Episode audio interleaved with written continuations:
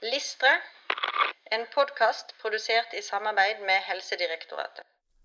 Alm 033 har kunnskap om betydningen av individuelle forskjeller i legesøkningsatferd, og hvilke implikasjoner det har for fortolkning av symptomer, samt selvstendig kunne bruke denne kunnskapen i møte med den enkelte pasient. Dette er grunnleggende allmennlegeevner. Ja, og det- vi har vært inne på det mange ganger. Dette her er mm, noe som man etter hvert, når man har jobba en stund, blir kjent med pasientene sine og lærer seg akkurat dette. Ja.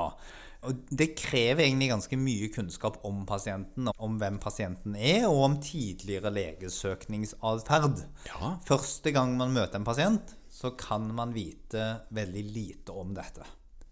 Ja, ja. For man kjenner jo ikke pasienten. Nei, nei. Dette her er sånn som vi har snakket om i andre læringsmål, denne longitudinelle jobbingen til fastlegen som gjør at vi blir kjent med eh, pasientene våre på en helt unik måte, som vi vet er med på å holde folk bedre i form. Ja. Fordi at pasienter vil ha veldig forskjellig terskel for når de velger å ta kontakt med oss. Ja, Og, og den terskelen for legesøkningsatferd, den er for det første relativt konstant innarbeidet hos de fleste voksne pasienter. Den ligger der. Eh, Og det er mange faktorer som påvirker den. Jeg tror kultur er kjempeviktig.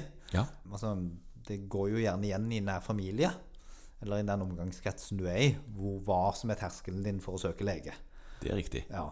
Og det å vite noen ting om at når Olsen ringer og sier han har litt vondt i brystet, Ja, Da kan du jo ringe ambulansen med en gang. ja, som han ikke kom til kontoret Nei, du må ringe luftambulansen ja. Eh, Det er avgjørende kunnskap For å drive effektiv og god primærmedisin Og for at hele vårt helsesystem skal fungere optimalt Ja.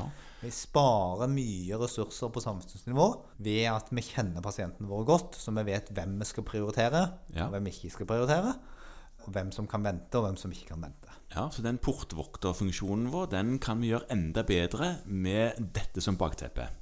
Ja, og det å forstå pasientens begrunnelse for å søke deg, det gjør at du kan også møte pasienten på en mer målretta måte når de kommer til deg.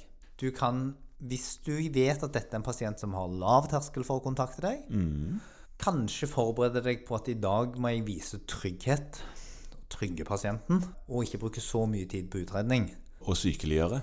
i den saken. Og kanskje heller fokusere på hvorfor du ikke trenger å gjøre undersøkelser, Ja. enn å sitte og tenke ut hvilke undersøkelser du kan gjøre. ja, ikke sant? Det kan ha noen ting for prioriteringen i timeboken din. Sier ikke nødvendigvis at den som er bekymra skal prioritere sist, kanskje er det motsatt. Ja. Men alt dette bidrar til at vi kan drive praksis på en mer målretta måte. Hvilke arenaer skal en bruke for å kunne reflektere bedre rundt dette læringsmålet? Ja, nei, altså det kommer opp i gruppeveiledningen. Der må man snakke sammen om erfaringsutveksling, og man må drøfte det systematisk. Og så kommer det eh, grunnkurs. Ja. Da blir det løfta som et prinsipielt overordna tema. Ja.